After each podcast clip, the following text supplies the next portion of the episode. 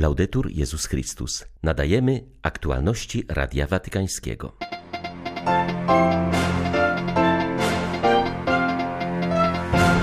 To Duch Święty jest głównym podmiotem ewangelizacji, przypomniał papież na audiencji dla wspólnoty błogosławieństw.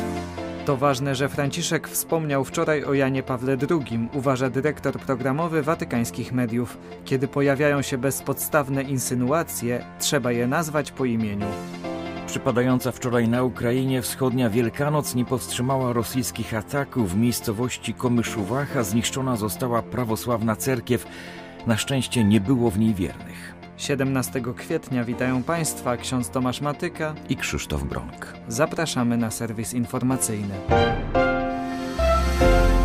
To Duch Święty jest głównym podmiotem w życiu Kościoła i w ewangelizacji. Pozostańcie zawsze na Niego otwarci i pozwólcie, by to On wami kierował. Napisał papież w przesłaniu do wspólnoty błogosławieństw przekazanym podczas audiencji z okazji 50. rocznicy powstania tego jednego z najważniejszych ruchów w posoborowym Kościele. Franciszek przypomniał, że charyzmat tej wspólnoty narodził się pod wpływem katolickiej odnowy charyzmatycznej, która, jak zauważył, jest darem dla Kościoła i świata. Papież zaznaczył, iż doświadczenie zielonoświątkowe oraz wymiar eschatologiczny zawsze zajmowały centralne miejsce we wspólnocie błogosławieństw. Przejawia się to poprzez życie w duchu, komunię stanów życia i apostolstwo. Jak podkreślił Franciszek, wymiar eschatologiczny sprawia, że poprzez uwielbienie, piękno liturgii, śpiew i życie braterskie można zobaczyć Królestwo Boże już obecne pośród nas. Doświadczenie pięćdziesiątnicy stanowi natomiast serce życia duchowego wspólnoty błogosławieństw. Wyraża się ono w ciągłym poszukiwaniu zjednoczenia z Bogiem, realizowanym w codziennej celebracji Eucharystii, w adoracji Najświętszego Sakramentu, w życiu modlitwy według duchowości karmelitańskiej oraz poszukiwaniu modlitwy nieustannej według duchowości kościołów wschodnich. Franciszek podkreślił, że to życie modlitwy jest źródłem braterskiej komunii, pozwalającej każdemu realizować jego specyficzne powołanie. Jan Paweł II to nie tylko święty, ale także osoba, która nadal pozostaje obecna w sercach milionów ludzi. Dlatego bardzo krótkie, lecz wymowne słowa Franciszka pokazują, jak ważne jest patrzenie z wdzięcznością na postać tego świętego, powiedział dyrektor programowy watykańskich mediów, komentując słowa Ojca Świętego, który wczoraj po modlitwie Regina Celi wystąpił w obronie polskiego papieża. Pewny, że wyrażam odczucia wiernych z całego świata, z wdzięcznością wspominam świętego Jana Pawła II, który w tych dniach stał się obiektem obraźliwych i bezpodstawnych insynuacji. Andrea Tornielli odnosi te słowa do absurdalnych oskarżeń, jakie w ubiegły wtorek we włoskiej telewizji La Sette postawił pod adresem Jana Pawła II brat zaginionej przed 40 laty Emanueli Orlandi, nie odwołując się przy tym do żadnych dowodów czy wiarygodnych świadectw, a jedynie do zasłyszanych plotek i nagrania rozmowy z samozwańczym przedstawicielem przestępczego podziemia. Dyrektor programowy watykańskich mediów poświęcił już tej sprawie obszerny edytorial w L'Osservatore Romano. Dziś rano w wywiadzie dla Radia Watykańskiego zwrócił m.in. uwagę na odpowiedzialność mediów, które umożliwiły rozpowszechnianie takich bezpodstawnych insynuacji. Jeśli ktoś stawia komuś zarzuty, bez względu na ich wagę i pozycję osoby, której one dotyczą, to potrzeba podać przesłanki, świadectwa, dowody. Inaczej jest to poważne uchybienie. Pozwolić, by postawiono zarzut, by rzucony został kamień, a potem się wycofać, bo w ten sposób obrzuca się błotem pamięć osób, które skądinąd już nie żyją i nie mogą się bronić. Ale w tym wypadku nawet nie potrzeba obrony, bo chodzi o tak daleko idące insynuacje, że papież słusznie powiedział, że są one bezpodstawne i obraźliwe. Uderzyło mnie, że ta rzekoma wiadomość, to nagranie, te pogłoski, słowa brata nie odbiły się echem na przykład w całym świecie anglosaskim saskim, o którym z pewnością nie można powiedzieć, że ma pozytywny stosunek wobec stolicy apostolskiej i Kościoła.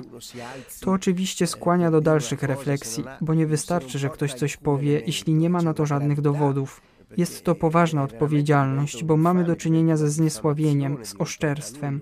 Nad tym trzeba się zastanowić, trzeba być ostrożnym. Listem apostolskim w formie motu proprio iam pridem papież Franciszek wprowadza pewne zmiany w kodeksie kanonów kościołów wschodnich. Łaciński tytuł oznacza już od dawna i odnosi się on do próśb hierarchów katolików tradycji orientalnych o zaradzenie pewnemu problemowi. Chodzi o zbyt dużą ilość biskupów emerytów, mających aktywny głos w działaniach synodów w tych wspólnotach. Dokument podpisano wczoraj, a wejdzie on w życie w miesiąc po opublikowaniu. Zmiany powodują, iż hierarchowie po ukończeniu przez nich 80 roku życia nie będą już posiadać aktywnego głosu w sprawach, którymi w kościołach wschodnich zajmuje się właśnie instytucja synodu. Wyjątek stanowią tutaj sami patriarchowie, arcybiskupi więksi, biskupi eparchialni oraz egzarchowie. Opublikowane normy mają na celu ułatwienie działalności poszczególnych wspólnot, Papież zachęca również do brania tu pod uwagę potrzeb i dobra konkretnych kościołów. Dramatyczny przebieg miały prawosławne święta wielkanocne w miejscowości Komyszuwacha koło Zaporoża. Około godziny trzeciej w nocy rosyjskie rakiety zniszczyły miejscową cerkiew prawosławną. Jak przyznają mieszkańcy wsi, gdyby nie administracyjny zakaz urządzania celebracji liturgicznych w nocy, w cerkwi mogłoby przebywać w tym czasie około 200 osób. To, że w cerkwi nie było nocnej liturgii, to ewidentny znak Bożej opatrzności. Bóg czuwa nad nami, mówią mieszkańcy wsi. Od 30 bowiem lat liturgia paschalna celebrowana była zawsze w nocy i kończyła się zazwyczaj około godziny trzeciej nad ranem. Opowiada pani Tetiana, której dom został zniszczony przez rosyjską rakietę, a ona sama odniosła rany. Ja думаю, що могло бути набагато гірше. Myślę, że mogło być znacznie gorzej od tego, co się stało. Bóg mnie nieco doświadczył. To za moje grzechy. Jestem grzeszną osobą. Bóg się nade mną ulitował. Ну і в то же время він мене пожалів. Jak podkreśla miejscowy wójt Juri Karpatian, świat powinien wiedzieć, co dzieje się na Ukrainie. Нам на сьогоднішній день більш потрібно, щоб була інформація. nam na dzień dzisiejszy najbardziej potrzeba informacji. Zależy nam, aby cywilizowany świat rozumiał, że Rosja to kraj terrorystyczny. Są terroryści, którzy przyznają się do tego, co robią. Rosjanie są jeszcze straszniejsi. Oni nawet nie przyznają się do tego, co robią. Zabijają dzieci, niszczą świątynie, niszczą nasze prywatne budynki oraz niszczą nas. I. Z Zaporoża dla Radia Watykańskiego ksiądz Mariusz Krawiec, Paulisto. Trwa 61. tydzień rosyjskiej agresji na naszych wschodnich sąsiadów, ale Ukraina świętuje Wielkanoc, Ukraina świętuje odczucie swojego zwycięstwa, ponieważ na Ukrainie, pomiędzy nami, w ciele naszego narodu zmartwychwstał nasz Zbawiciel. Wskazał w swoim specjalnym orędziu na kolejny okres wojny arcybiskup Światosław Szewczuk. Hierarcha podkreślił, że pomimo nieustających ataków oraz ostrzałów dokonywanych przez najeźdźców, jego naród wciąż przypomina o sobie światu i kontynuuje walkę. Jak zauważył zwierzchnik miejscowych grekokatolików, druga Wielkanoc obchodzona przez jego wspólnotę w sytuacji pełnoskalowej wojny pozostaje ważnym punktem odniesienia oraz znakiem nadziei. Wiemy, że Ukraina przejdzie przez swój wielki tydzień. Wiemy, że ukrzyżowanie nie jest wieczne. Stanowi ono klucz do zmartwychwstania, zaznaczał arcybiskup Szewczuk. Przyznawał jednak przy tym, iż lęk oraz niepokój nie opuszczają społeczeństwa, często doświadczającego ataków ze strony napastników. Ostrzegano nas, że szczególnie w święta wielkanocne istnieje największe niebezpieczeństwo zmasowanych ataków rosyjskiego agresora na miasta i wsie, tak jak to zresztą też było w zeszłym roku – Ostrzelano nawet cmentarze, na które wierni przychodzili w niedzielę, aby uczcić w czasie obchodów zmartwychwstania pamięć swoich zmarłych. Wróg nie pomija żadnej okazji, aby zadać jak najwięcej szkód, bólu i zniszczeń naszemu narodowi oraz naszemu państwu. Najeźdźca nie szczędzi również środków, by wykorzystać religijny aspekt życia Ukraińców do destabilizacji wewnętrznego pokoju w naszej ojczyźnie, Widzieliśmy w tym czasie różne prowokacje, ale tak jak Chrystus zniszczył potęgę diabła przez swoją śmierć na krzyżu, takiego moc zmartwychwstania dziś zwycięsko wnosi nadzieję na pokój i lepszą przyszłość do serc Ukraińców. Dziś możemy powiedzieć, że uleczymy wszystkie nasze rany, bo Chrystus zmartwychwstał. Dziś wierzymy i wiemy, że odbudujemy nasze wsie i miasta, które zostały zniszczone przez rosyjskiego okupanta, bo Chrystus zmartwychwstał. Wiemy i wierzymy, że wytrzymamy tę nierówną walkę, wytrzymamy oraz wygramy tę wojnę. Wiemy, że wszystkie dzieci Ukrainy, obecnie rozproszone po wielu krajach świata jako uchodźcy, wrócą do domu, do stołu wielkanocnego na Ukrainie, bo Chrystus zmartwychwstał. W Ukrainie, bo Chrystus woskres.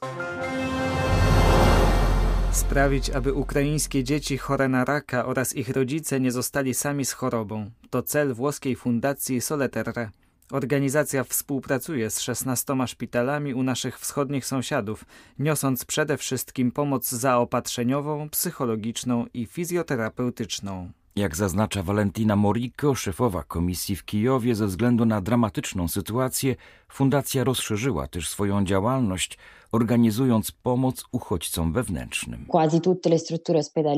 Prawie wszystkie szpitale w strefie frontowej zostały zamienione na placówki wojskowe. Z tego powodu ludność, zwłaszcza ta, która cierpi na choroby przewlekłe, w tym onkologiczne, ma trudności ze znalezieniem leczenia w owych rejonach. Chore dzieci stamtąd oraz ich rodziny szukały wsparcia i przeniosły się w spokojniejsze rejony, gdzie leczenie jest jeszcze dostępne.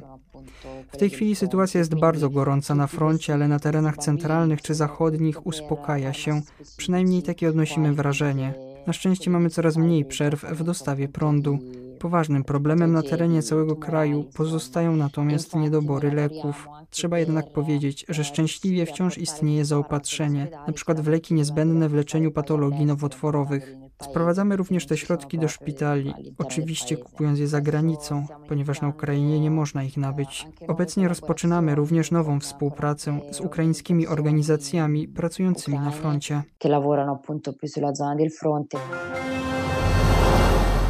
Cześć, nazywam się Eneasz. Urodziłem się w szpitalu, ponieważ moja mama chciała mieć pewność, że wszystko jest dobrze i być razem ze mną jak najdłużej.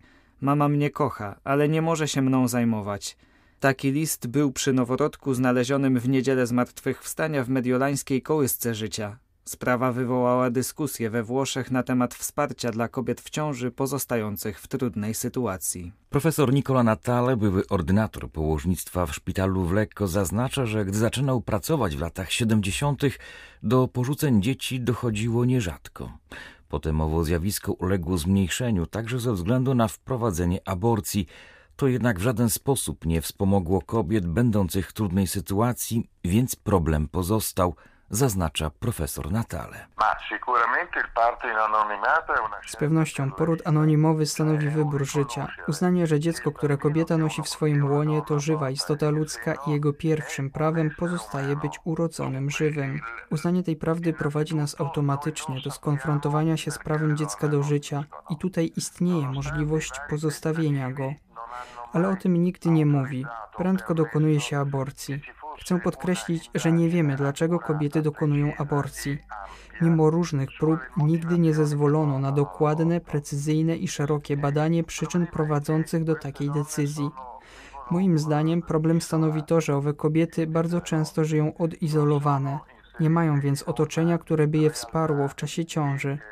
Ono dopiero pojawia się w chwili porodu. Także ustawa aborcyjna nr 194 naciska, by kobieta była sama w procesie podejmowania decyzji. Mamy więc tutaj konkretny wybór woli w ramach pewnej kultury społecznej i trudno zauważyć ów problem osamotnienia. Trzeba, aby ginekolodzy, pracownicy socjalni i wszyscy, którzy mają kontakt z kobietą w ciąży, mieli świadomość wagi życia oraz postanowienie, by uznać prawo do życia al riconoscimento della vita. Były to aktualności Radia Watykańskiego. Laudetur Jezus Chrystus.